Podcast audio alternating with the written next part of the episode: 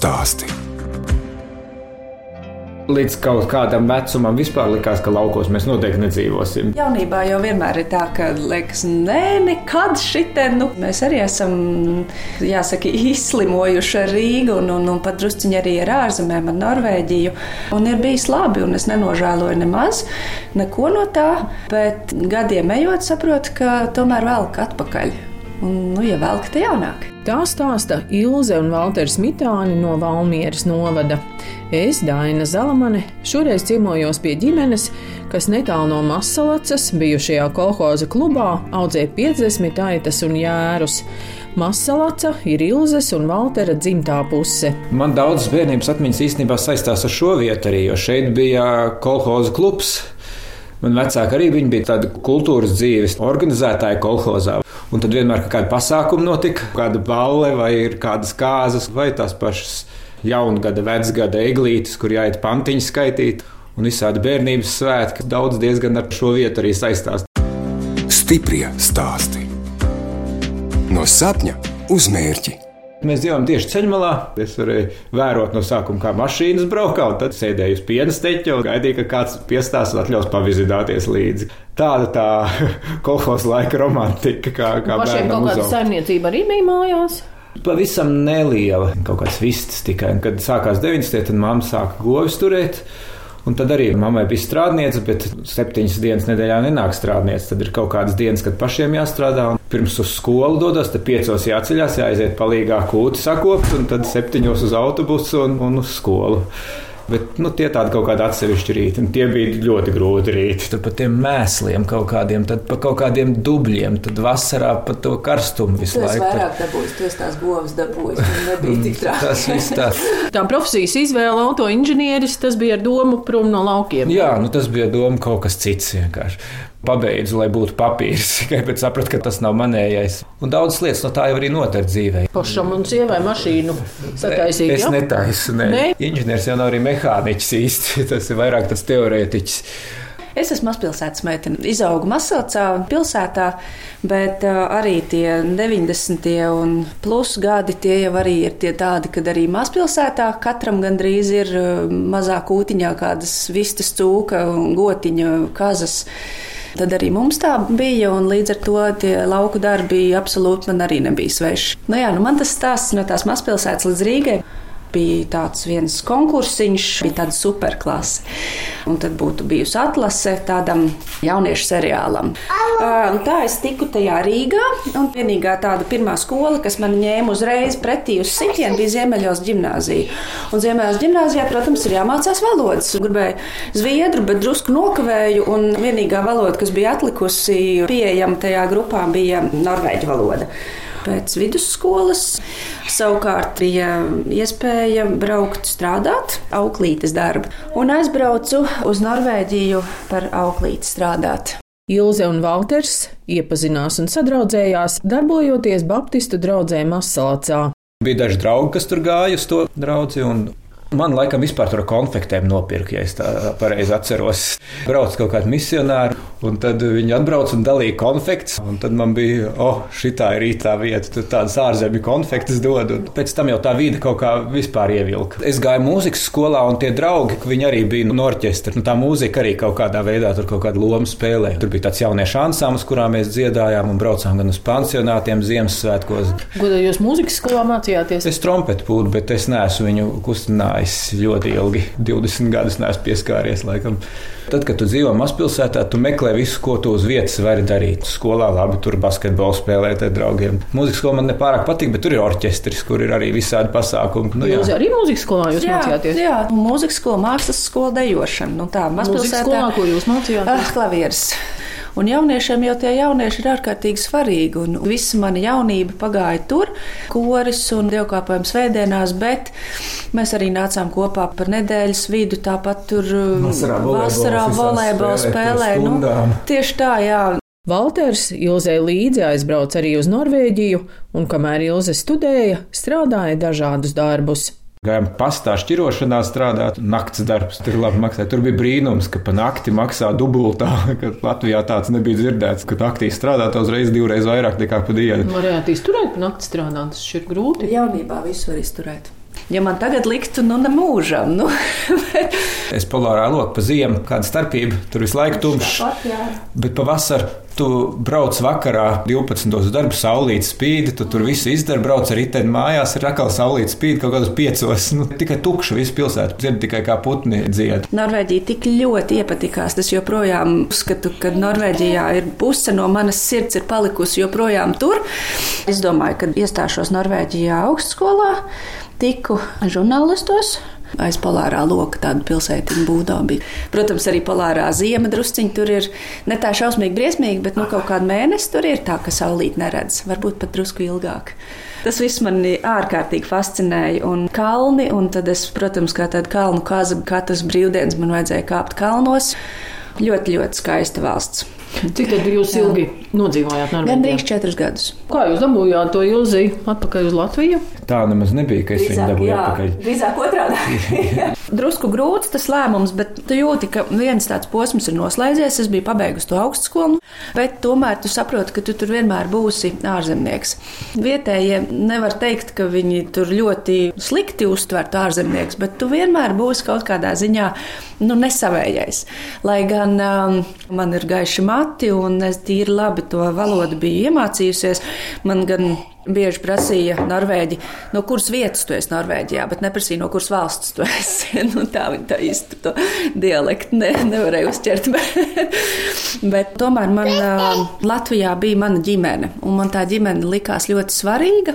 Tā doma, kad es redzēšu savu ģimeni reizi gadā, varbūt nu, tas likās arī tā bišķi bēdīgi. Un tad es nospriedu, ka tomēr jābrauc ar mājās, jābūt latvietim Latvijā, nevis latvietim ārzemēs.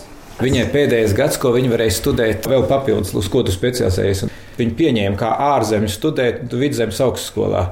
Es atceros, tajā gadā vēl bija avīzē raksts, ka vidzemes augstskolā šogad arī viens students no Norvēģijas. Tā bija viņa skaitījās, jā, ka viņas mācās joprojām tajā Norvēģijas augstskolā, un šeit viņa apmaiņas students to vienu gadu. Pabeidzu to augstskolu un to pēdējo gadu turisma novirzienā vidzemes augstskolā. Un tad gan braucām uz Masalacu.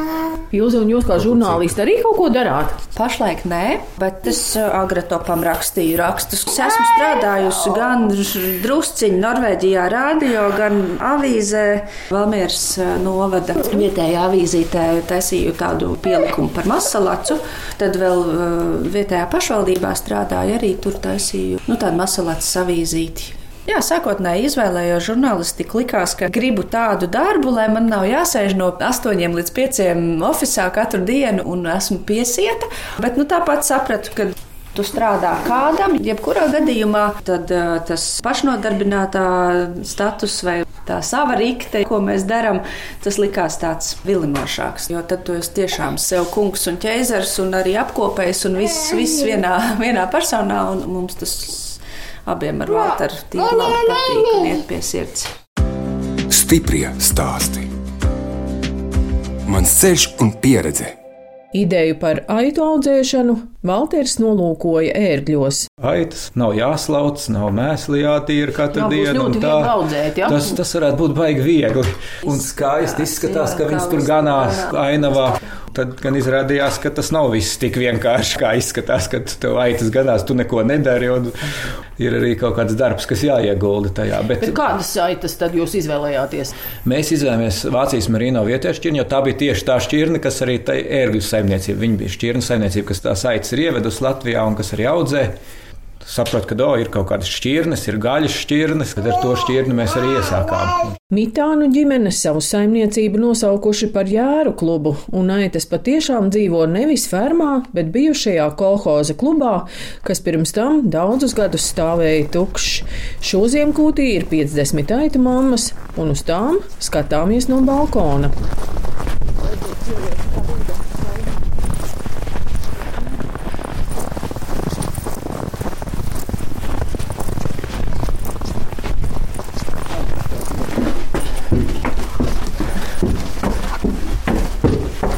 Mums ir balkons, no kā vērot aitas. Cik tā jau nebija tāda balkons. Te bija viss tāds cietā siena. Un kaut kad bija arī ekskursija, kur bērni arī bija izstaigājušies priekšā, un pēc tam autobusu šoferis otrā dienā vairs otru grupu neved uz tejienu, jo visiem bērniem kājas ar mēsliem un, un autobusu smirdu. Paskatīties no augšas, tad tās aicis ar bišķiņu drošākas, ir, kad cilvēks neskrien virsū. Tiešām ekskluzīvs skats. Tātad mums priekšā ir uh, skatuve ar tādām ozola lapiņām vēl ap, apdarināta. Jā, jā, jā, jā. Rekur, ja, ja tā ieskatās, tad rekur, tur augšpusītē pa vidu tur ir zvaigznes formiņa jau tāda kontūra. Tāpēc, ka ir, nu, šis kolhos ir saucies sarkanā zvaigzne. Šī bija tā vieta, Valter, kur jūs te bērnībā nācāt. Jā, tas dzīvoļus skaitīja, un kad mēs te sākām laist aizciekšanu, te bija visu logu izdauzīta, un viņi bija stāvējusi vairāk kā desmit gadus. Viņi stāvēja tukši, un viss bija dēļ izzāģēti. Atbrauc tīpaši tādi masācieši vai tādi, kas ir bijuši šeit, un tad viņi stāsta, oi, mēs te kāzas dzērām. Un tad mums te bija gari galdi, un oi, kā mēs pat tiem galdiem līdz trījiem naktī dejojām. Jau. Man liekas, ka tie ir tik fantastiski stāsti, un tās ir tik labas atmiņas. Un, jā, patiesībā tas mans šīs ziemas uzdevums ir apkopot, cik nu vien es spēju tās vēstures liecības tieši par to kultūras laiku. Šeit ir viss tas, ko mums kādreiz semināros stāstīja, kas ir vajadzīgs saitē. Ir vajadzīga liela gaisa un gaiša telpa. Nu, te ir klubā lieli logi, augsti griesti.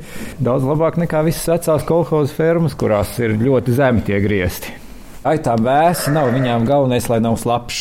Ļoti bieži ir tā, ka nu, es kā cilvēks ienāku kūtī, liekas, oi, nu gan te ir augsts. Un, ja es būtu aita, ja es vispār nebāzu tur to degunu Nu, bet tā jau ir vilniņa, vai ne? Jā, aitai ir tā vilna. Viņa diezgan bieži pat arī šādos sniegainos apstākļos izvēlās gulēt ārā. Sniegā viņai tas netraucē. Cik labi, ka ir tā jaunā paudze, vai ne? Kas te spriņķo, tās Jā. aitas jau tikai tēstu, vai ne? Mums nebūtu uz ko Nē, paskatīties. kādreiz ir tie jēri, un ka viņi vēl sadzimst daudz, vairāki desmiti, ja, un ka viņi visi te ņemās divreiz baltāk tā kūts ir, tāpēc, ka viņi tur ņirb tie mazie baltumi pa vidi, pūku dupši, kā es viņus saucu tur.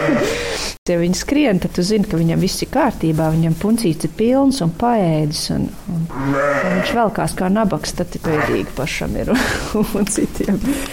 Lielākā laime aitkopim ir, ka aita iedod divus smukus, veselīgus jēriņus. Un uh, es tos jērus vairs neatpazīstu barā. Tas nozīmē, ka man ar viņiem nav nekāda darīšana. Nākošā tikšanās mums ir pie šķirošanas tikai ar tiem jēriem. Jo gadās visādi, gadās tie saucamie pudeļjēri, kas atkal ir tāds liels, liels darbs. Tas nozīmē, ka tā aitiņa nebaro to jēru ar savu pienu, bet cilvēkam ir jānāk ar pudeli un jābaro tas jērs. Bet nu, tie atkal ir tādi ļoti piejaucēti un pieradināti. Un, ja man vismaz pārīts ar tādiem ir, tad man ir pavasarī, ko bērniem dot murcīt. un tā. Tie nebēg prom. Jo tie nebēg prom, jā, bet nu, Pieraduši. vairāk pa pārīt taču nevajag tādas. Fiziskais izmērs viņai ir lielāks nekā Latvijas tumšgalvē. Bet daudz neko neatšķirās. Aita paliek aita. Cik bieži jūs cērpat? Vienu reizi gadā. Mūsdienās jau vilna ir tāds pārpalikums, bet vilna nav tas, no kā naudu var iegūt. Vairāk problēmas, kur viņi pēc tam glabāt, kā pārstrādāt, kam atdot. Kur jūs liekat to vilnu? Nelielu daļu mēs pārstrādājam dzīvē. Mēs siltinām savus mājas bērniņus ar viņu. Ar citu jūs neesat pirmie, kas man stāstīja. vilnu labs izmantot. materiāls, viņa ir elpojoša, dabiska. Māter, jūs teicāt, ka jūs tomēr to aitu skaitu diezgan samazinājāt, tas tāpēc, ka bija maz zāles Jā, no siena. Nu, Šajā gadā siena vispār gandrīz nav. Ir tikai kaut kāds skāpsienas, ko varēja no attāliem savākt. Bija tas sausais pavasaris. Un mums ziemeļu vidzemē tiešām nelija vispār nevienu dienu vairāk kā mēnesi. Varat iztikt ģimene ar šādu biznesu, ar aitu audzēšanu? Ar aitu audzēšanu nē, ar aitu audzēšanu plus turismu varam. Bet tev ir jābūt diezgan radošam. Nu, nevar tikai tā kā plika audzēt aitas, jo mēģinot to aitu nu, no visām pusēm iegūt maksimālo labumu. Visu, ko viņa dod, gan tā vilna, gan tā gaļa, gan tas turisms. Aitādas, protams, labi iet. Tad es vēl tur mēģinu dažādus produktus radīt. Teiksim, aitu tauki ir tāda lieta, kas ir absolūts atkrituma produkts. Nu, un tad, ko es izdomāju, ka var taisīt putnu barojamās bumbas no aitu taukiem un putniem garšo. Kādreiz tur man bija kaut kādas domas, ka varētu pats ģērēt aitādas, bet nu, tas bija pat traku. Ir. Tur mēs vedam uz Igauniju. Apmeklējot saimniecību, bērni var noskatīties arī jēru kluba kino. Sākotnēji es nezinu, te kaut kāda telpa bija vai kaut kas tāds, bet neviens gaismas starīšs te neienāk. Nu, ko te varētu izdarīt? Tad es, es domāju, rādam uz sienas kino. Mums iet forša jāru multene, viņa ir ārkārtīgi pamācoša, četras minūtes gara. Ne tikai bērniem, bet visi pieaugušie parasti viņi aplaudē pēc tam, jo viņi ir tik kolosāli. Un, un tas ir sēž uz sienu ķīpām. Sēž uz sienu ķīpām. Jā, un te vēl ir salikt arī vilnas paraudziņi. Jā, nu man te tāda veco darbarīka izstāde, nu, ratiņš un tītavas, un tur vēl viens cits tītavas. Galvenokārt jau tiem bērniem parādīt, vai kādreiz arī kāda vecāka mamīte uznāk un saka, vai jā, es tā kā strādāju ar šitādu ratiņu. Un vienkārši parādīt, kā tā vilnas pārstrāde notika un pačamdīt to vilnu, kāda ir nemazgāta vilna, to lanolīnu sajust. Tad, kad, protams, viņi ir izmazgāti, tad nav tas lanolīns. Bet vasarā, kad ir silts, tad viņš tā smarža ir arī tāda īpašāka un it īpaši tikko cirptētē vilnē. Saimnieki vasarās turistus cienā arī ar jēra gaļas zupu. Ir cilvēki, kas neņem mutē. Principā pēc, nē, es šito nēdīšu, bet tie, kas ir skeptiski un pagaršo, saka, šis taču vispār nekādu savādāk negaršo. Es gadu savāru to buļļonu, un tad es novācu tos taukus vispār nost. Nekur nevar piesieties, nekad tur pie augstslējām līp, ja tur dusiņi atdzies tā zupiņa vai, vai, vai kaut kā tā. Bet arī plovu, teiksim, kad gādi, ja viņš ir tiešām labi pagatavots, tad ir visi priecīgi. Daudzreiz prasa, kā tad pagatavot, un kaut kā tā ļoti īpaši viņa jāgatavo. Patiesība ir tāda, ka gaļa paliek gaļa, ir jāpagatavo līdz viņa ir gatava. Tikpat labi tur var būt tikai sāls, pipars, ķiploki un viss. Pirms mums nebija tās aicis, es nebiju jērgaļa vispār dzīvē, man liekas, ēdis. Tas svarīgākais jau ir ar to gaļu, lai tā ir jēra gaļa. Varbūt ir tā pieredze daudziem cilvēkiem, it sevišķi padomu laikos, kad Tas galvenais produkts no aitām bija vilna, un tad, kad aita vairs vilnu neražo, tad to veco aitu nokauj un pārdod gaļu. Un Un jārs ir apmēram līdz gada vecumam? Jā, nu, tas līdz ir pusotram var izstiet, bet pus... principā skaitās jārs līdz gada vecumam. Pavasaros Ilzas skolēniem ekskursijās skaita arī tautas dziesmas, ticējumus, dziesmas un pasakas par aitām, arī piedāvā darboties radošajās darbnīcās. Ļoti bieži ir tā, ka liekas, nu kurš tad aitu nav redzējis? Un nav gan. Nu, aizvien retāk jau tās vecmāmiņas dzīvo jā, laukos jā. Un, un audzina vistiņas un vēl kādu dzīvnieciņu? Un, un ļoti bieži cilvēki atzīst, ka, šī tik tuvai tas nebija redzējis. Un ja vēl gadās tā laime ielaist tās rokas tajā siltajā vilnā, ja ir tā mierīga aita pretī, ja, vai jēriņš, kur pamurcīt, nu, laime pilnība. Kādas nodarbības? Kaut kas saistībā ar vilnu? Jā, filcējam ziepes, piemēram, ziepīt iefilcējam mētelī un tad sanāk kopā švamīte ar ziepi vienā. Tad mēs esam ar rokām vadījuši tādus paklājiņus, kur sēdēt. Tad eh, es domāju, ka no šīs vasaras dabas krāsām piedāvāt krāsot. Ar augiem, ar augu krāsām? Augu krāsām, jā, dabas krāsām. Īstenībā visi laksti krāso. Un tas ir tik interesanti un tik atklājumiem bagāts tāds process un meditatīvs. Vēl varētu arī būt kāds ēst taisīšanas meistarklases vai kaut ko tādu. Nu, jā. Tās iespējas ir. Stiprie stāsti. Neuzkāp grābekli. Mēs tā palēnām ļoti attīstāmies, jo savulaik ar nekustamiem īpašumiem tur pišķiņi iesaistījos un tur būvniecību un, un kredītus visādus ņēmu un, un uznāca krīze. Un ļoti tāda rūkta pieredze ar to ir. Tagad grūti ir attīstīties, ka tu neesi gatavs deviet kredītu. Jā, līdz ar to mums Māja ceļās ļoti lēnām, aitu kūts arī tā neaug, un, un tu dari tikai to, ko tu pats vari izdarīt. Bet varbūt tas nemaz arī nav tik slikti. Stresa katrā ziņā ir eh, mazāk. Jā. Tas, ka arī aicis audzēt, nu, tu daudz ko mācies nu, darot. Mēs kaut kādus kursus esam, gan viens, gan otrs gājuši par lauksaimniecību, gan, gan tieši par aitkopību. Bet nu, vienalga nav mums tāda. Lauksaimnieciskā vai veterinārā ārsta vai kāda izglītība. Un ir vienmēr kaut kādas lietas, ko tu mācies tikai tad, kad ir problēma. Tajā brīdī tu mācies. Sāpīgāk ir, ka tu atkārto kādas tās lietas aitkopību. Tie grābekļi, kuriem esam uzkāpuši, tie vairs nav mums te, jo viņas vienkārši nav vairāk tās aitas. Bet vienu lietu tu iemācies, nu kaut kas notiek, tu gūsti mācību, ja, un tad atkal notiek vēl kāda lieta. Un, un tad jau pēc pieciem gadiem tev liekas, nu jau nu, tu visu zini apmēram, un tad hops, viņi vienkārši parāda vēl kaut kādu nu, aspektu, ka, oh, es nebiju aizdomājies līdz, līdz kaut kādam tādam. Tā lauksaimniecība ir uh, iemācījusi, ka iet visādi un var iet visādi, un ka nevajag nokārt galvu. Jo ir bijuši mums gadi tiešām tādi, ka tev sašļūk tā duša un saskrien papēžos, un tev liekas, ej, nu, vai nu šis ir bijis pat raku. Tad ir labi, kad ir divi, jo tas viens tad kaut kādā brīdī tomēr saglabā to skaidro saprātu, jā, un saka, nu nē, nu šī ir tikai pārējoša lieta, ja devēja urbjam tālāk. Dzīvojam, un viss jau atkal sakārtojās. Stiprie stāsti par spēku un iedvesmu. Ilze un Valters Mitāni Valmieras novadā netālu no Masalacas izveidojuši saimniecību Jēru klubs. Viņi ir arī trīs bērnu vecāki. Vecākajai meitai Rebekai ir 16, dēlam Kārlim 12, bet sarunas fonā dzirdamā balss pieder jaunākajai, gadu vecajai meitai, kam ir divi vārdi Grieta strauta. Tad, kad man tāds biezāks vārds jāsaka, tad es saku grieta strauta. man liekas, ka es visvairāk arī lietoju to strauta. Bet uh, man tas vārds ļoti patīk, un, un es gribu, lai viņi arī zina, ka viņai ir tas otrs vārds. Jā, Rebeka šobrīd Valmierā mācās, dzīvo kopmītnēs. Jā, pārgājis ģimnāziju. Šis arī ir pirmais gads, kopš Masalcā vairs vidusskola jaunu klasi neatvērta. Dejo hip-hopā jau vairākus gadus. Un tagad Valmērā viņa ir atkal atsākusi tautas dēļas.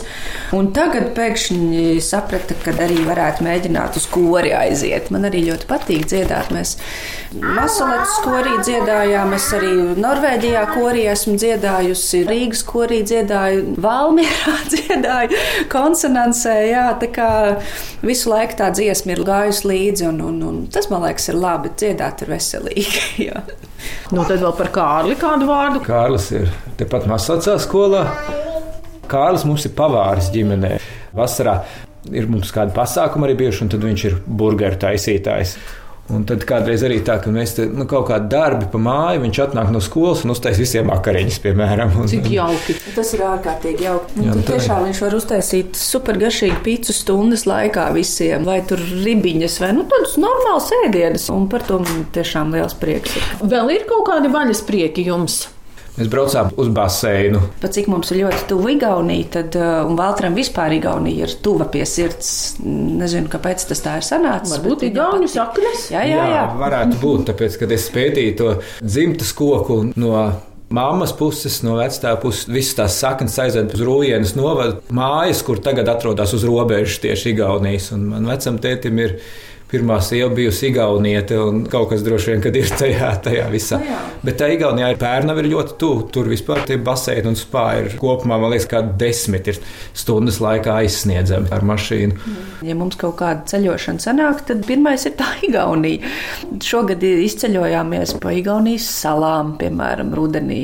Tur ir jābrauc dabu vērot. Sārumā, Hīvā, mēs... Kihnu. Vasarā ir jāvāc sienas, uz jūriņu varbūt izraujās uz vienas dienas dienas tādas izraušanos, bet ne, ne ilgāk. Kas ir tas, kas jūsu dzīvē ir palicis no Norvēģijas? Norvēģijā bija tas, ka ļoti daudz gāja visādos pārgājienos. Tas, man liekas, ir tas norvēģis dzīvesveids, ka viņi iet kalnos, daudz staigāt. Lieldienās ir slēpošanas parki, ka man liekas, visi norvēģi ir ar slēpēm kalnos ārā. Un arī vasarā tajā pusnakts saulē, kad tu ej kaut kādos divos naktī pa kalniem un staigā cilvēki pretī. Un, un droši vien, ka tā būšana dabā Jo kaut kā pirms tam es to tā nenovērtēju. Drusku arī tiešām spēlē tas, ka tu jau esi tajos laukos. Tu neesi tas rīznieks, kuram vajag izrauties ārā, lai tu to svaigo gaisu sēlpotos. Tu esi nostrādājies, noskrējies eh, no rīta līdz vakaram par to svaigo gaisu. Tā varbūt nav tāda ārkārtīga vērtība kā Rīgā. Taisnība tā kopā būs. Tas ir tas norvēģiskais arī, ka viņi ar ģimenēm iet kaut kur kalnos. Te nav virsotnīcas, un te mums ir puru taka, kur tu vari pastaigāt. Mitāna ģimene ir arī auģu ģimene. Pirmais auģu bērns mums pavisam nejauši. Vienkārši bija tā, ka vēlams atrast auģu ģimeni Masācā, jo bija ļoti liela iespēja, ka viņa tiks atpakaļ pie ģimenes. Un tad mēs, kā jau kristīgi cilvēki, kas mums pie galda viens šķīvis, palieko, vai ne? Nu, tā vai nu nav problēma. Pēc tam kad ir izieti tie augu ģimeņa kursi, tad jau tā lieta paliek nopietna. Jo tad tu esi tāda kā ģimene, kas ir tīri oficiāli pateikusi, ka tu esi gatava uzņemt bērnus. Un, un teiksim, ar vienu bērnu mēs esam noslēguši. Viņi tika atpakaļ pie mamītes, viss bija forši. Mums piedāvā nākošos bērnus. Un viena meitene tagad mums bija diezgan ilgi pie mums, līdz pat 18 gadiem. Septiņi gadi, jā, viņi bija pie mums. Tagad atkal esam atvērti tai, tai lietai. Tas ir tāda liela atbildība, jā. Tas pārbauda drusku tevi, ģimenes saites. Nu, nav viegli. Bet nu, kurš teica, ka visam jābūt viegli? Mēs esam te, lai viņam kaut kādā brīdī palīdzētu. Nu, un, ja mēs varam palīdzēt, lai viņam tā dzīve jēdzīgāk sanāk, tad man liekas, ka tas ir tikai labi. Man liekas, tad, ja skaties uz lietām, kas ir viegli, tad dzīve ir garlaicīga. Jo interesanti jau paliek tikai tad, kad tu kaut kādām grūtībām izai cauri. Tas grūtības, protams, līdz zināmai robežai, lai no tā, ka tu tur saņemsti zem tā grūtības svara. Bet, uh, jebkurš darbs, jebkura lieta prasa savas grūtības un savu piepūli, bet tas gandarījums jau beigās ir daudz lielāks nekā tās grūtības arī par visu. Mums, piemēram, pēdējais bērns mūs tā ļoti savstarpēji un arī tā psiholoģiski mobilizēja. Jādomā, ko tu teiksi, vai tu nebūsi pārāk skarbs. Arī pie sevis jāpiestrādā tādā ziņā, un tu pats kļūsti labāks līdz ar to. Tu pats esi beigās gandarīts par to, ka tu, ka tu spēj sevi savākt arī ka tu spēj nedusmoties uz to bērnu kaut kādā brīdī, kad viņš ir izdarījis kaut ko nu, pilnīgi kreizī. Daudzējādā ziņā arī mūsu bērni ir palīdzējuši arī kaut kādas situācijas risināt, kad mēs paši netiekam ar to bērnu galā, kad vienaudžu attiecības uzreiz kaut kādas. Nav bijis viegli, bet pieredze, manuprāt, ir diezgan pozitīva mums. Un par to vieglumu un grūti. Kaut kā pēkšņi atcerējos, jaunības laikā braucām ar riteņiem, riteņbraucienos, un īpaši daudz par tām vērtībām nedomā. Un toreiz braucām, un, nu, kā mums tā telts, nu, neņemsim līdzi, nevajag. Nu, un tad, protams, vakaros vienmēr rodās jautājums, nu, kur tad mēs paliksim pa nakti. Nu, ir kaut kādas jaukas naktis, un, un naktis, kad līst, piemēram, un tad tās grūtības, un tas viss, caur ko, teiksim, mēs izgājām tajos brīžos, kad nebija viegli, kad līja, tas viss ir daudz vairāk vairāk palicis atmiņās nu, kā tāda pozitīva pieredze. Es to vieglo riteņbraucienu neatceros vairs, varbūt tagad, šodien, bet es atceros to, kas izaicināja mani, kur man bija jāiziet cauri grūtībām, un tas man liekas tagad, nu, vēlāk vērtība. Stiprie stāsti. Laiks mācīties, prieks saprast!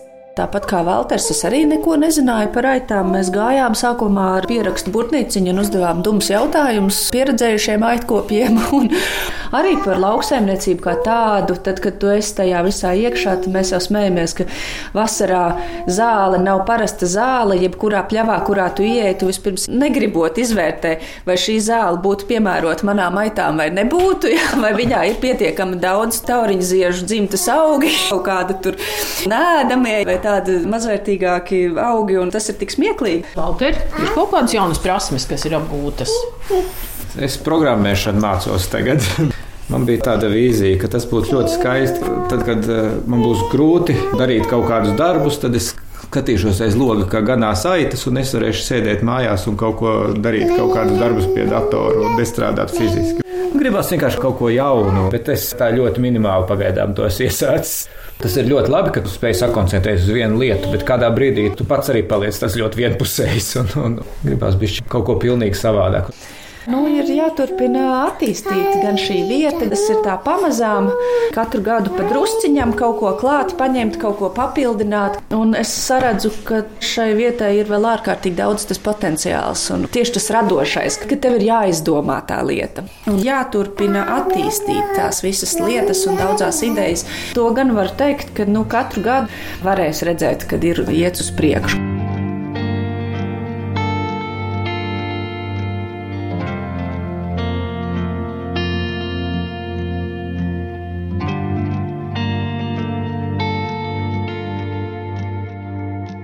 Redījumā tikāmies ar žurnālisti Ilzi un autoinženieru Walteru Mitāniem, kas Valmieras novadā netālu no Masalacas izveidojuši saimniecību Jāru klubs, audzē aitas un jērus un sezonas laikā uzņem turistus. Saimniekiem ir trīs bērni, un viņi kļuvuši arī par auģu ģimeni. Raidījumu veidoja Dāna Zalamane un skaņu operātore Inga Bēdele. Uz tikšanos!